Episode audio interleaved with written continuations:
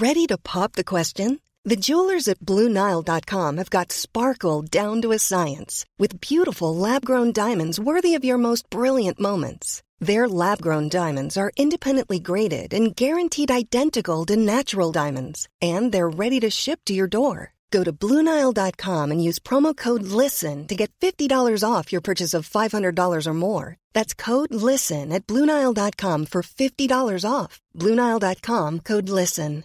Hey, I'm Ryan Reynolds. At Mint Mobile, we like to do the opposite of what Big Wireless does. They charge you a lot, we charge you a little. So naturally, when they announced they'd be raising their prices due to inflation, we decided to deflate our prices due to not hating you.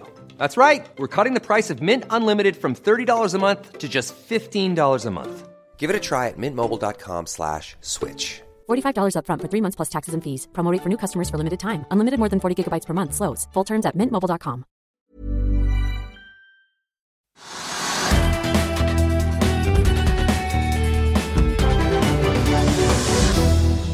Jerome Powell skaper jubel i markedet. Passasjerene flokker seg inn hos eh, Norwegian, og bøndene tilbys milliarder i landbruksoppgjøret. Det er torsdag 5. mai, og dette er noen av sakene som preger nyhetsbildet i dag. Velkommen til Økonominyhetene, der vi ikke skal dvele ved landbruksoppgjøret for lenge. Det kan Trygve skrive om i lederne sine, men jeg tenker det er verdt å ta med de voldsomme tallene som har kommet på bordet i dag, og som kanskje er nok et eksempel på all volatiliteten som preger økonomien rundt oss.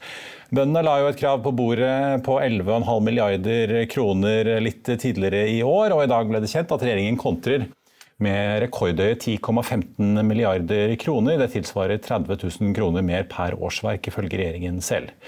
Bondeorganisasjonene er ikke helt fornøyd og mener i realiteten er snakk om 8,9 milliarder, og at, de, at, staten altså kommer dem et stykke på vei i møte på kostnadskompensasjon, men ikke på inntektsløft. Og nå skal det altså forhandles. Men tilbake til det vi egentlig skal snakke om. I dagens sending får vi besøk av Espen Høiby, som etter en tur innom Norse Atlantic nå er tilbake i flybemanningsbransjen. Vil det være nok mannskap til å få, alle, få alle flyene opp i luften for å betjene alle de som nå vil ut og fly i sommer?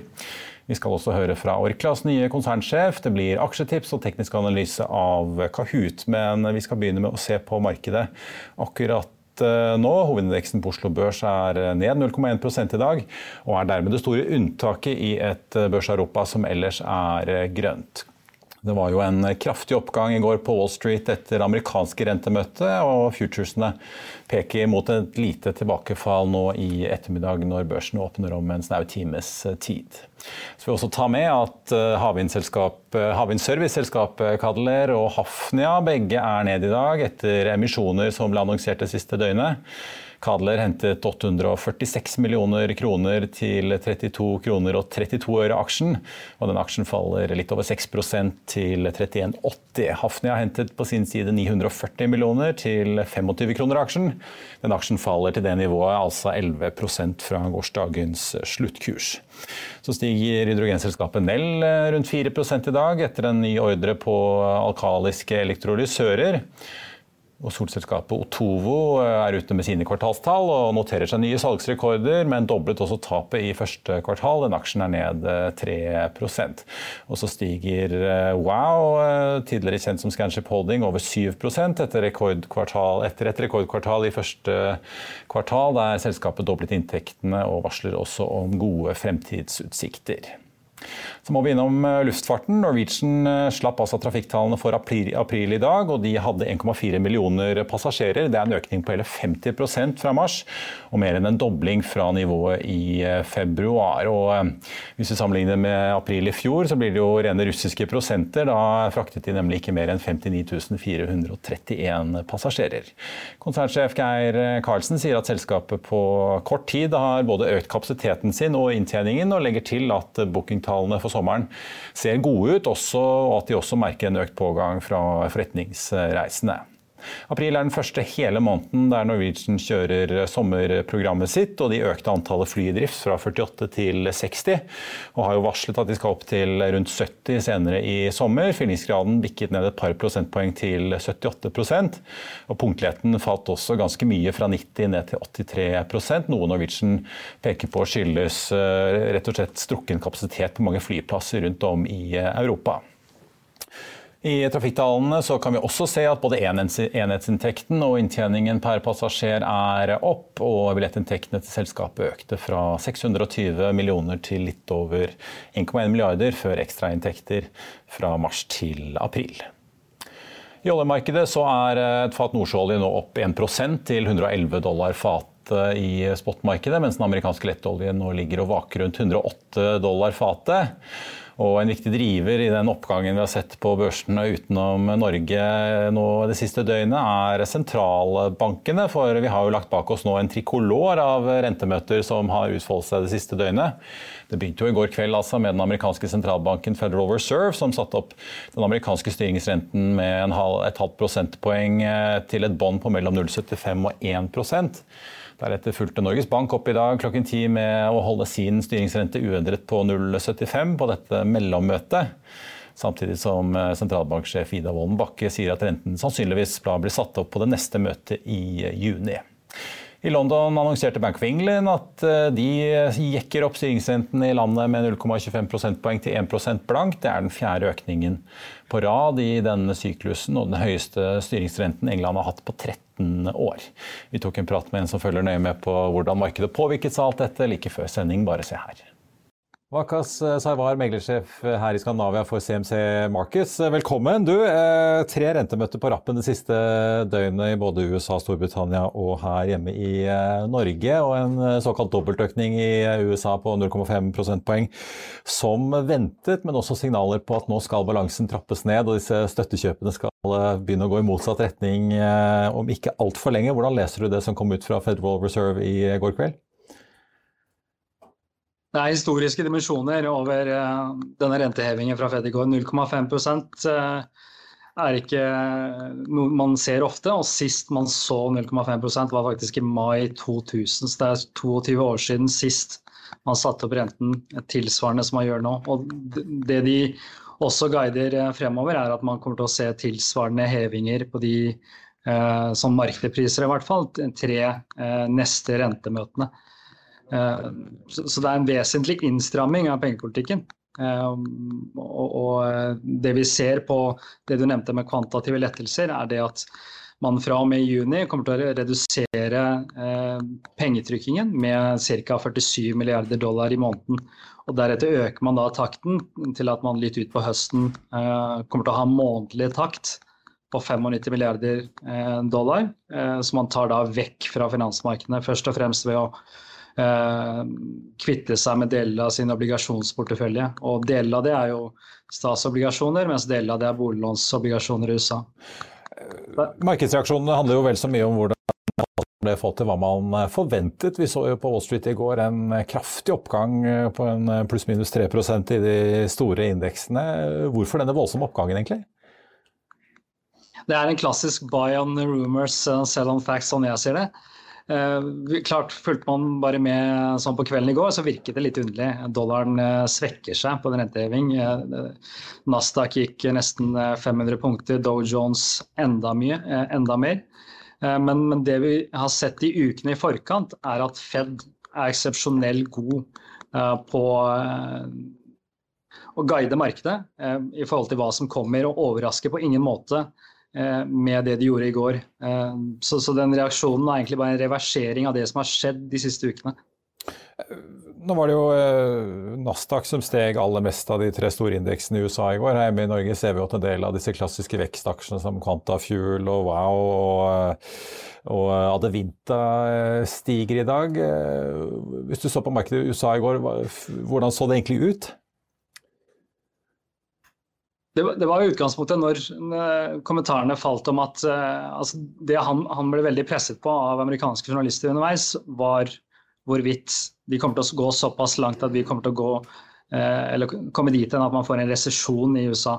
Uh, at resesjon er det som er nødvendig for å få kontroll på inflasjonen. Så når, han prøvde å manøvrere seg, og han er jo eksepsjonelt god til å kommunisere, og når han manøvrerte seg eh, sånn at han sa at mest sannsynlig for en myk landing, så fikk vi en veldig oppgang i Nasdaq-futuren, og altså selvfølgelig underliggende aksjer også. og Det er den bevegelsen vi ser en videreføring av på Oslo Børs i dag. Eh, det at de nå skal begynne å eh, trappe ned balansen sin fremover, hva kan det ha å si? Kan det trekke ut støtten under et marked som jo har steget veldig kraftig egentlig over et tiår? Det er det vi også eh, ser på og frykter litt, for å være helt ærlig. Eh, for Isolert seg, det korte bildet, så betyr 95 eh, milliarder bortfall av kvantitative lettelser. Det betyr i, i, i praksis én til to rentehevinger oppå de vanlige rentehevingene vi har. Og så gjør det også det, det at de pengene som tidligere måtte lenger ut på risikoskalaen for å få avkastning, de pengene som tidligere var i muligens i obligasjonsmarkedet, som måtte over i aksjemarkedet for å finne avkastning, de kan finne veien tilbake igjen til obligasjonsmarkedet. Eh, jeg tenkte på, Hvordan ser liksom utfallsrommet her nå eh, fremover? Du snakket jo litt om hva Fed signaliserte, men jeg merket meg i eh, meldingen fra Norges Bank, som hadde jo et mellommøte i dag, så det var ikke ventet noen endring der uansett. Men Ida Wolden Bakke, sentralbanksjefen, skriver jo at det blir utsikter til mer varig høy prisvekst, så kan rentene bli satt opp raskere enn det renteprognosen som de har lagt tilsier. Hvor stort er usikkerhetsspennet her, egentlig?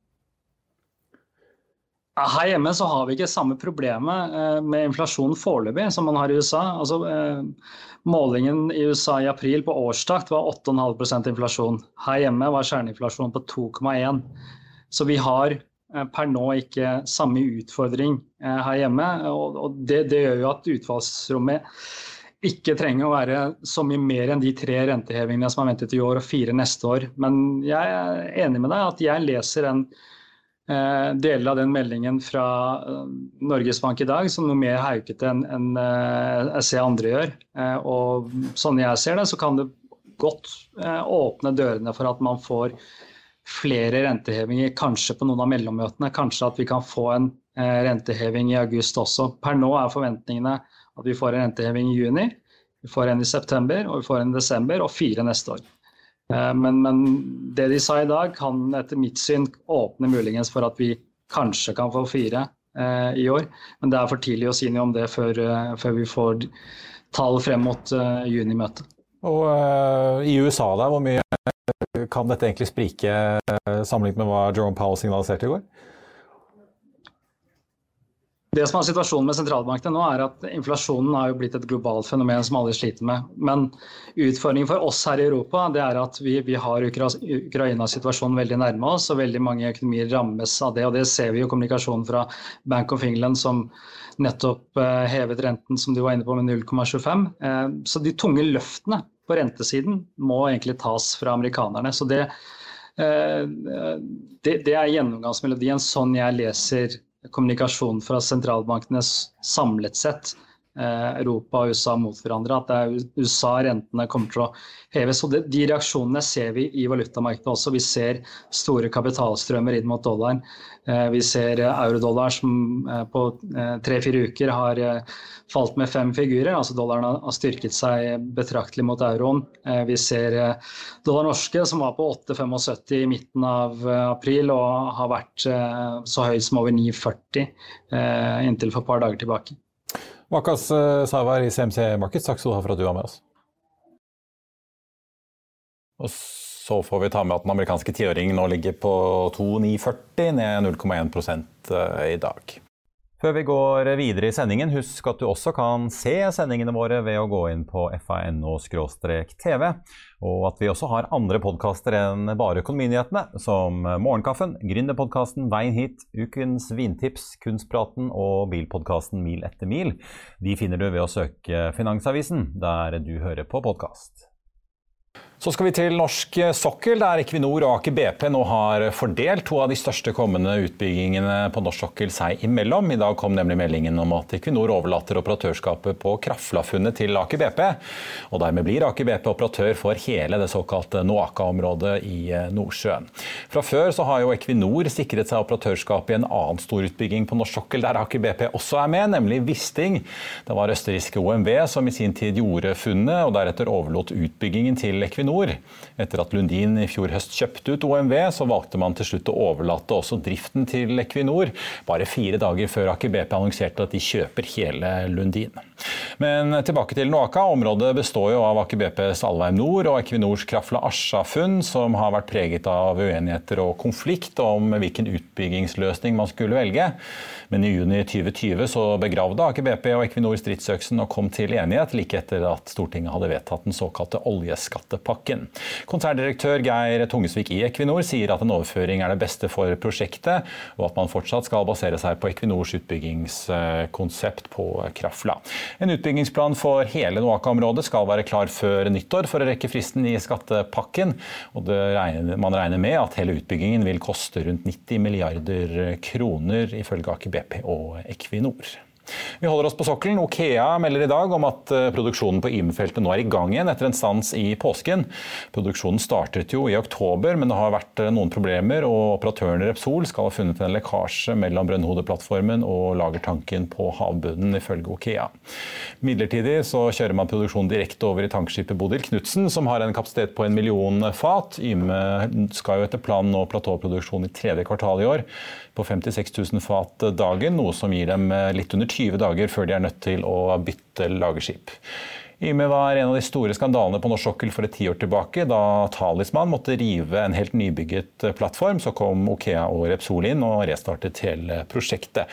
Okea er ned 1,2 i dag, og de slapp jo også kvartalsrapporten sin, som viser tredoblete inntekter til halvannen milliard kroner, og en bunnlinje som gikk hele tigangeren til 213 millioner. Selskapet har nå negativ gjeldsgrad, akkurat som det Equinor kunne melde om i går at de har. Okea endrer ikke på guidingen sin og regner med en produksjon på mellom 18,5 og 20 000 fat per dag i dag, og marginalt ned neste år. Sparebanken SR-Bank har også sluppet tall i dag i denne hektiske kvartalssesongen. Aksjen stiger 1,2% etter resultatene som var langt bedre enn ventet. Så får vi også ta med at Bonheur mangedoblet sine resultater, bl.a. pga. høye strømpriser. De belønnes med en kursoppgang på 4 så skal vi til Orkla. Aksjen stiger nesten 1 i dag på kvartalstallene som eh, slo forventningene som analytikerne hadde i forkant. Omsetningen økte 15 til litt over 13 milliarder kroner mens resultat for skatt økte med 100 millioner til halvannen milliard. Merkevaregiganten eh, meldte i påsken at eh, konsernsjef Jan, Ivar Semlitsch gikk på dagen og ble erstattet av styreleder Stein Erik Hagens mangeårige forretningspartner Nils K. Selte som nå har kommet inn altså som ny konsernsjef. Kollega Anders Pedersen Bjergård dro ned for å møte Selte litt tidligere i dag. Bare se her. Nå står jeg sammen med konsernsjef Nils eh, Selte i Orkla, som nettopp har lagt frem kvartalstall. Hvordan vil du oppsummere første kvartal? Det er et, eh, et, et, kvartal som var preget av, av høyere input-kostnader i veldig mange av våre produksjonsledd. Samtidig så klarte vi å øke både, eh, omsetningen både på volum og pris gjennom kvartalet. Som viser at vi jobber hele tiden med å, å, å, få, å få tatt ut prisøkningene mot våre kunder. Så det er vel kan si, kanskje de viktigste faktorene hvis jeg skal oppsummere. Hvordan skal dere motvirke økte kostnader fremover? Eh, det er vel vanskelig å, å, å slåss mot vindmøller. Eh, og det, eh, hvis du ser på alle råvareprisindekser, så, så, er de veldig bratte om dagen. Og det skyldes jo selvfølgelig primært krigen i Ukraina nå. Men vi har en veldig profesjonell innkjøpsavdeling som hver dag jobber med å skaffe våre innsatsfaktorer til en best mulig pris for konsernet. Samtidig som vi ønsker å ivareta kvalitet og eh, kan du si, høye krav til ESG-spørsmål. Dere åpner opp for å gjøre børsnoteringer og salg av virksomheter. Hvorfor er det viktig for Orkla? Jeg, jeg tror det, å, det, vi snakker om i Orkla om dagen, eller vi har kommunisert, er at vi ønsker å utvikle mer autonome, selvstendige enheter. Jeg tror på den ene siden kraften av selvstendige enheter og den entreprenørskapen den skaper over tid, kan eh, øke, akselerere vår verdiskapning. Det betyr ikke at vi er dårlige i dag, men det betyr at vi kan bli enda bedre i framtiden. Videre så tror jeg også at vi kan synliggjøre noen verdier gjennom børsnoteringer eller andre typer partnerskap. Da skal vi over til dagens gjest. Han bygget opp en bemanningsgigant i luften som bidro til å gjøre Bjørn Kjos sitt flyeventyr mulig på 2010-tallet. Så kom koronapandemien og det meste raste både for han og resten av bransjen uten at han ga opp av den grunn. Etter en tur innom den nye flysatsingen North Atlantic, så er dagens gjest nå back in business får vi si, i bemanningsbransjen. Velkommen til oss, Espen Høiby. Tusen takk for det. Nå konsernsjef i det som heter AAP. Ikke noe amerikansk pensjonsforening, men Nei. Eh, et nytt eh, navn på bemanningsselskapet OESM, ikke sant? Jo, det er helt riktig. Det er liksom eh, bygd på samme lest som det vi var før korona. Ja. Korona ble jo for oss en, en veldig tøff reise, må vi si. Ja, for, bare for å ta det, da, De som ikke kjenner historien bak OSM. Dere var jo et svært bemanningsbyrå som ikke bare hjalp Norwegian, men også andre aktører som Finner husker vi, og flere flyselskaper. og Dere hadde vel var rundt 6000 ansatte på det meste? 6000 ansatte hadde vi 12.3.2020. Eh, ja. Eh, omsetning for litt over 4 milliarder. og To måneder senere så hadde vi bare 500 ansatte. og ja, godt under 100 millioner i omsetning, så det var jo brutalt. Så ja, For det gikk jo ikke konkurs, men det var Vi klarte å overleve, og det er, vi, det er, vi, ganske stolte av. At vi fremdeles klarte å stå på beina. Så, så, men det var, en, det var, en, hard og krevende prosess, vil jeg si. Ja, Det skjedde jo litt i skyggen av hele den restruktureringen som Norwegian og mange andre var igjennom, men eh, det var mange du måtte si farvel til? Veldig mange farvel, måtte vi si farvel til, og det er jo det som er tøft. Det er, ikke sant, måtte, Tenk på alle de menneskene og de familiene vi på en måte hadde ansvar for, og, og sørge for at de fikk lønn osv. Og de måtte vi dessverre si opp. og Det var i mange forskjellige land og med mange forskjellige måter man kunne løse det på. Men det er jo egentlig bare her oppe i nord vi har dette permitteringsinstituttet som, som, som fungerer veldig bra. Men, mens i mange andre land så var det bare oppsigelse som gjaldt, dessverre. Ja, vi så i USA hvordan myndighetene kom med støttetiltak mot at flyselskapene ikke sa opp Ja, ja. Der, der var, fikk vi faktisk veldig god støtte. Ja. Faktisk et av de landene hvor vi fikk best støtte der, og i Singapore. Eh, de andre landene var det mer krevende. Vi, skal, vi, må straks innom dette nye selskapet ditt All About People. Men eh, først Norse Atlantic. Eh, her i forrige uke var vi oppe og snakket med Bjørn Tore Larsen, som var i gang med billettsalget på langdistansevirksomheten som han har startet etter at Norwegian landet sin. Eh, du var jo med på etableringen og var innom der en kort periode. Hva var det som tiltrakk deg til dette flyeventyret? Norse Atlantic er jo et kjempespennende eventyr som, som jeg har stor tro på. Og nå var det sånn at denne muligheten til å gå tilbake igjen og drive opp igjen mitt, kan du si, min lille baby, eh, vi kan bruke det uttrykket, eh, kom. Og da tenkte jeg at det er det jeg har lyst til å drive med. Ja. Og, og, derfor, eh, når den, og som sagt, når den muligheten kom, så, så greip jeg den og, og fikk med Adolfsen-gruppen inn på eiersiden. Og så skal vi nå bygge det opp igjen til det til det, det var før pandemien. Ja, fordi OSM-navnet kommer jo egentlig fra da Bjørn Tore Larsen sin bemanningsvirksomhet øh, og servicevirksomhet innen shipping, som øh, ja, det, det, er helt korrekt, og, og det var jo en beslutning vi tok den gang vi starta selskapet. Vi skulle liksom bygge mye av filosofien på det som var gjort innenfor shipping og, og når det gjaldt bemanning, og prøve å finne gode løsninger for, for de ansatte. Uh, derfor tok vi OSM-navnet for å bygge på den historien. Men det var jo ganske naturlig når Bjørn Tore da ikke lenger var med på, uh, på eiersiden, at vi da fant et, et nytt navn. Ja, for han uh, har jo da solgt seg ut. Du har fått inn Adolfsen-brødrene som investorer, og da byttet navn. Er det, er det, stort sett samme strategi og plan dere har nå? Sam, samme grunntanke, at vi skal skape et selskap som, som gjør, la, gir mer fleksibilitet til de ansatte og gir mer fleksibilitet til operatørene. Det, det må til nå. for vi, vi Eh, vi, må trenge flere folk inn i denne industrien, rett og slett. Så vi må lage et, et, et eh, system som gjør at eh, flere folk vil jobbe her for en bedre work-life balance, for å bruke et godt norsk uttrykk. Og, og, og etter hvert er jeg litt usikker på om vi klarer å holde lønninger på de lave nivåene de faktisk er på i dag. Ja, for Folk er da heltidsansatt eller deltidsansatt hos deg og har på en måte arbeidsforhold og er eventuelt fagorganisert? Eh, ja, da, vi, vi, flyselskap? Vi er fullt, fullt eh, ansatt hos oss, og, og det er sikre, langsiktige kontrakter. Så, så, så, forvalter vi de og eh, driver i dag størst for Finnair. Forvalter mange av de sine ruter i Asia, Hongkong, Singapore, Delhi bl.a. Nå setter vi opp en ny base for dem i, i, Sverige, hvor de skal satse på å fly fra Sverige, fra Stockholm til USA. ja, De går rett inn i SAS sin bakgård og skal fly til USA fra Stockholm? Ja. En veldig spennende satsing. Så, så, den drifter vi på kabinsiden for de. Så, så, det er liksom grunntanken, altså det vi skal drive med fremover. Men så har det jo i pandemien oppstått mange andre muligheter hjelp av leasingselskap med å reposisjonere fly. Vi har satt opp masse charterturer. Vi har satsa på droner. Vi driver med teknologiutvikling. Så vi, har, vi breier oss litt. Vi har ikke det er viktig å ikke forelske seg for mye i sin egen idé, sånn at vi kan hele tiden utvikle oss og, og følge med på det som skjer i markedet. Ja, Gi oss et lite innblikk i det. da. Altså, hvor stor, eh, altså Det å passe på alle disse parkerte eh, flyene, rett og slett. Eh, altså, hvor, hvor, er bransjen nå? Hvor mye er det som står parkert, og hvor mye er i, begynner å komme tilbake i full drift? Vi ser jo Norwegian nå ligger på en 60 fly i drift. Nå begynner det å bli vanskelig å få tak i fly. Ja. Altså, nå begynner det markedet å bli veldig tett. North Atlantic har jo bl.a. Uh, subleasa fire sine Dreamlinere til Air Europe. Og, og, og, og det er etterspørsel etter fly i dag. Så, så nå det, handler det om å få tak i nok fly.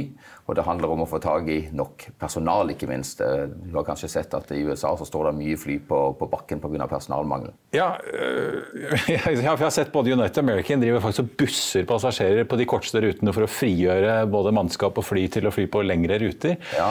Fortell litt om den situasjonen. Ikke for så globalt, men også ikke minst da som uh, europeiske flyselskaper møter nå. Får de, får de tak i folk? Ja, det, det, er et, det, det, det, er det store spørsmålet. fordi at det, det som har skjedd under pandemien, er litt, er litt spesielt. Restaurantnæringen har jo blitt utsatt for dette. Det er ikke, det er ikke nok folk som kommer tilbake igjen. Eh, flybransjen, hvor så mange dessverre måtte sies opp og permitteres. Eh, man føler kanskje at det har vært en litt usikker plass, og mange velger faktisk ikke å komme tilbake igjen til, til bransjen. Så uh, Under pandemien så har jo fraktratene gått uh, til himmels. Eh, det er masse fraktselskaper som har utøkt noe enormt i, i USA.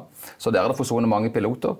Og så er det faktisk eh, veldig mange eh, nye business jets som er blitt kjøpt under pandemien. Og mange piloter har forsvunnet der også.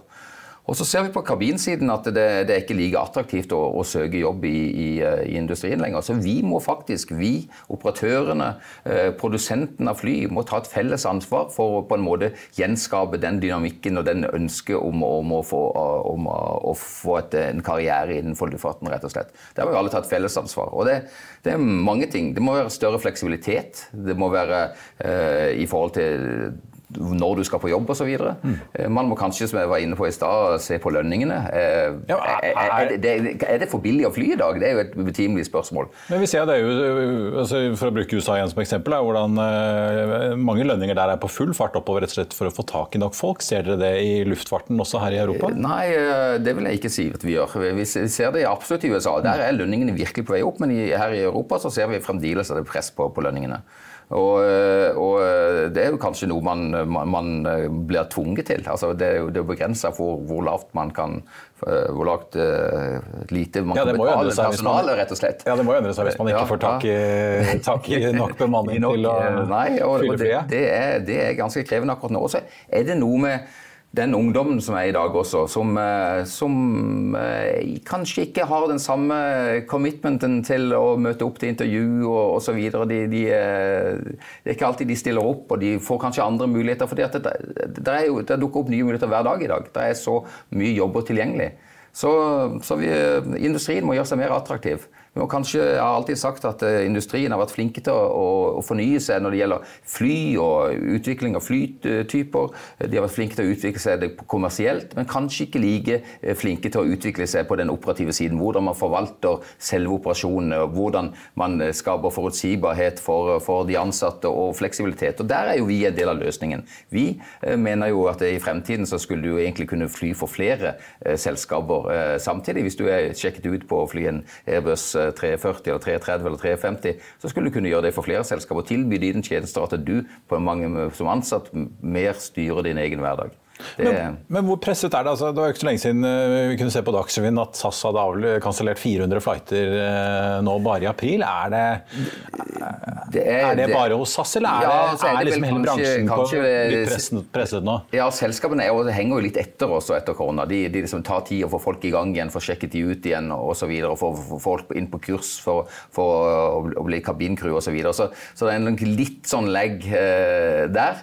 Eh, men, men absolutt så er det en utfordring utfordring. 35 I pre-korona så ble det utdanna 35 nye piloter hver dag. Mm. Og man, markedet trengte 100. Det vil si at man, Før 2040 så trenger man eh, nærmere 700 800 000 nye piloter pga. så mange går i pensjon, og pga. at man skal nesten doble flyflåten. Så det er et enormt behov for nye piloter. Så vi, eh, vi må gjøre det attraktivt. Vi må finne nye løsninger på, på eh, å eh, få folk til å si, gjenskape drømmen om å bli pilot, hvis jeg kan bruke det uttrykket.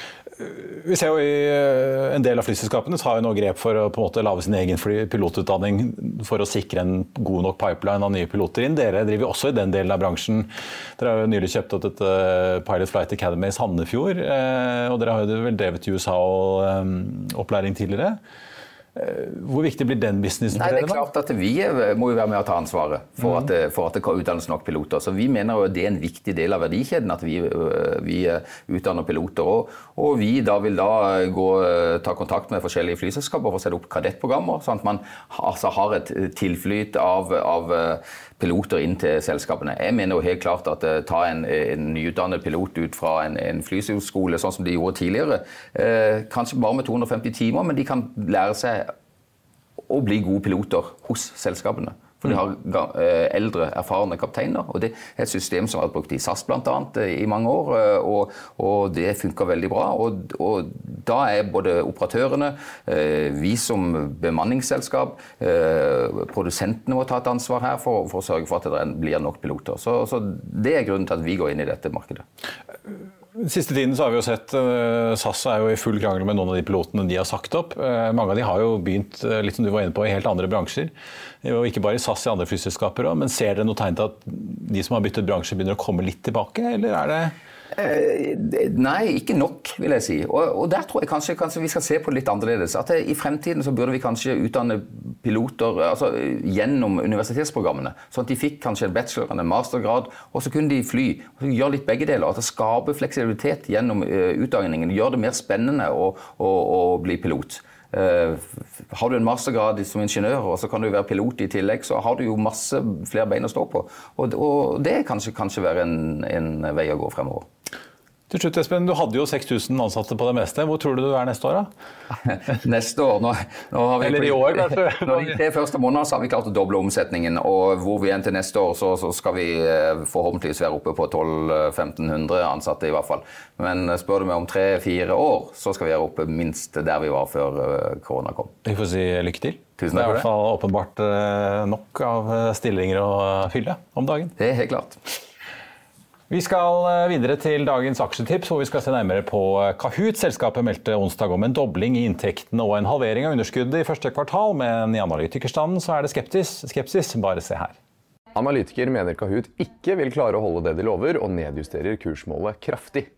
E-læringsselskapet var på alles lepper da pandemirallyet ble et faktum. Aksjen steg 11 eller 900% til toppen i januar i fjor, men har siden den gang falt, falt og falt, og så falt litt til. Nå er aksjen tilbake på pre-pandeminivåer etter nedtur på 80% fra toppen. Og analytikerne er absolutt ikke overbevist etter tallene fra første kvartal. Kristoffer Pedersen i Nordea Markets nedgraderer tekstselskapet til hold og tar ned kursmålet til 35 kroner fra tidligere 50. Pedersen skriver at Kahoots kvartalsrapport var svakere enn ventet og langt under estimatene. Veksten i antall abonnenter var også skuffende. Nordea tror nå at Kahoot ikke klarer å nå det guidede målet på 200 millioner dollar i salg innen 2022, og nedjusterer sitt, sine vekstprognoser fram mot 2024. Håkon Fuglu i SEB nedjusterer også kursmålet fra 55 kroner til 38 kroner, men anbefaler fremdeles kjøp. NFT-markedet kollapser. Salget av digital kunst, som går under navnet Non-Fungible Tokens, eller NFT-er, falt til et daglig gjennomsnitt på 19 000 kunstverk eh, denne uken. Det er et fall på hele 92% fra toppen i september, da NFT-hysteriet var på sitt aller høyeste, ifølge Wall Street Journal. Stigende renter har gitt et knusende slag til risikable investeringer i markedet, og alt fra luftig priste tech-startups til ESG-selskaper, kryptovaluta og NFT-er har fått føle konsekvensene på, på kroppen. En Snoop Dogg-NFT ble kjøpt for 300 000 kroner i april, og nå vil kjøperen ha hele luftige 235 millioner kroner for kunstverket. Høyeste bud er imidlertid på stakkarslige 1940 kroner. En annen NFT av eh, historiens første Twitter-melding fra Jack Dorsey ble kjøpt for 27 millioner kroner i fjor. Og på auksjon for noen uker siden var, ble høyeste bud 130 000. For spekulanten kan kanskje dette være tiden å gå inn i kryptokunst på, og håpe på en opptur en gang i framtiden. Kahoot-aksjen er opp 0,4 på Oslo Børs akkurat nå.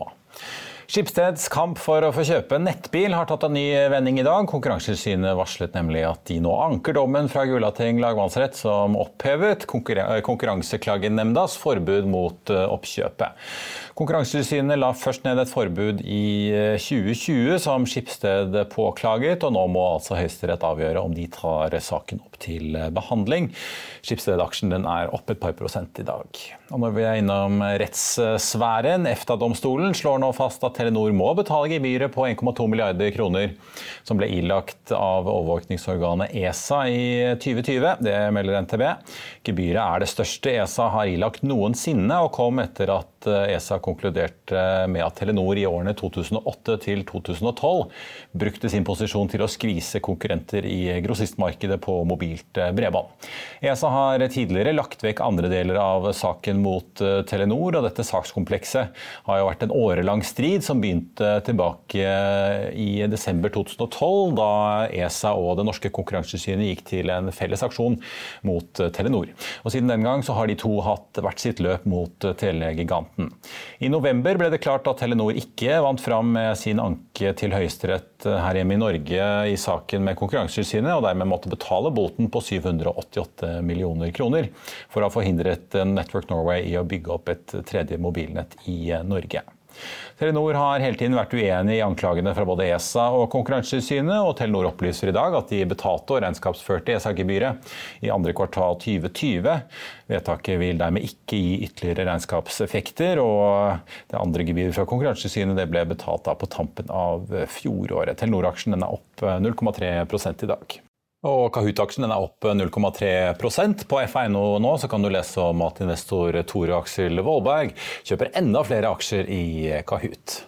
På Oslo Børs akkurat nå så er hovedindeksen ned 0,1% og dermed skiller jo eh, vi her i Norge oss ut fra resten av Europa, som er eh, grønt jevnt over det hele. Oljeprisen har tikket enda mer oppover utover ettermiddagen, og et fat nordsjøolje ligger nå på nesten 113 dollar fatet i spotmarkedet. Den amerikanske lettoljen har bikket over 110 dollar fatet nå. Og eh, på Wall Street så ser det ut til at vi får en liten nedgang fra start. Futuresene peker mot en nedgang på mellom 0,7 og 1% etter en veldig kraftig oppgang vi så på tampen av eh, børsdagen der borte i går etter eh, rentemøtet og eh, pressekonferansen til USAs sentralbanksjef Jerome Powell. Og så har Autostore sendt ut en liten børsmelding for å minne investorer og markedet på at de avholder kapitalmarkedsdag nå på torsdag neste uke, den 12. mai. I Finansavisen i morgen så skriver Trygve om eh, et absurd mas mot elbilene. Du kan lese om Aksel Hennies boligkule, om Jon Fredriksen som kjøper seg ytterligere opp i et amerikansk tankrederi, og om Turner Holm i Clarksons som sier 'what's not to like' når det kommer til den grønne aksjen Wow. Så blir det også mer om Oddfjell som ser klare tegn til en videre oppgang i ratene for eh, kjemikaliefraktmarkedet. Da er, vi, da er, vi, ved slutten av denne sendingen. I morgen er det fredag, så da er vi på plass igjen her klokken 13.30 med både Trygve og Delfi-forvalter Adil Shah i studio. I mellomtiden får du som alltid siste nytt på fa.no. Mitt navn er Marius Lorentzen. Takk for at du så på. Ha en riktig god dag videre.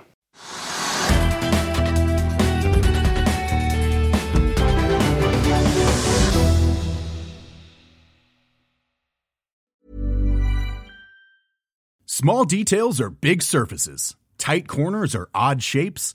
Flat, rounded, textured, or tall. Whatever your next project, there's a spray paint pattern that's just right. Because Rust new Custom Spray 5 in 1 gives you control with five different spray patterns. So you can tackle nooks, crannies, edges, and curves without worrying about drips, runs, uneven coverage, or anything else. Custom Spray 5 in 1 Only from Rustolium. Økonominyhetene er en podkast fra Finansavisen. Programledere er Marius Lorentzen, Stein Ove Haugen og Benedikte Storm Bamvik. Produsenter er Lars Brenden Skram og Bashar Johar. Og ansvarlig redaktør er Trygve Hegnar.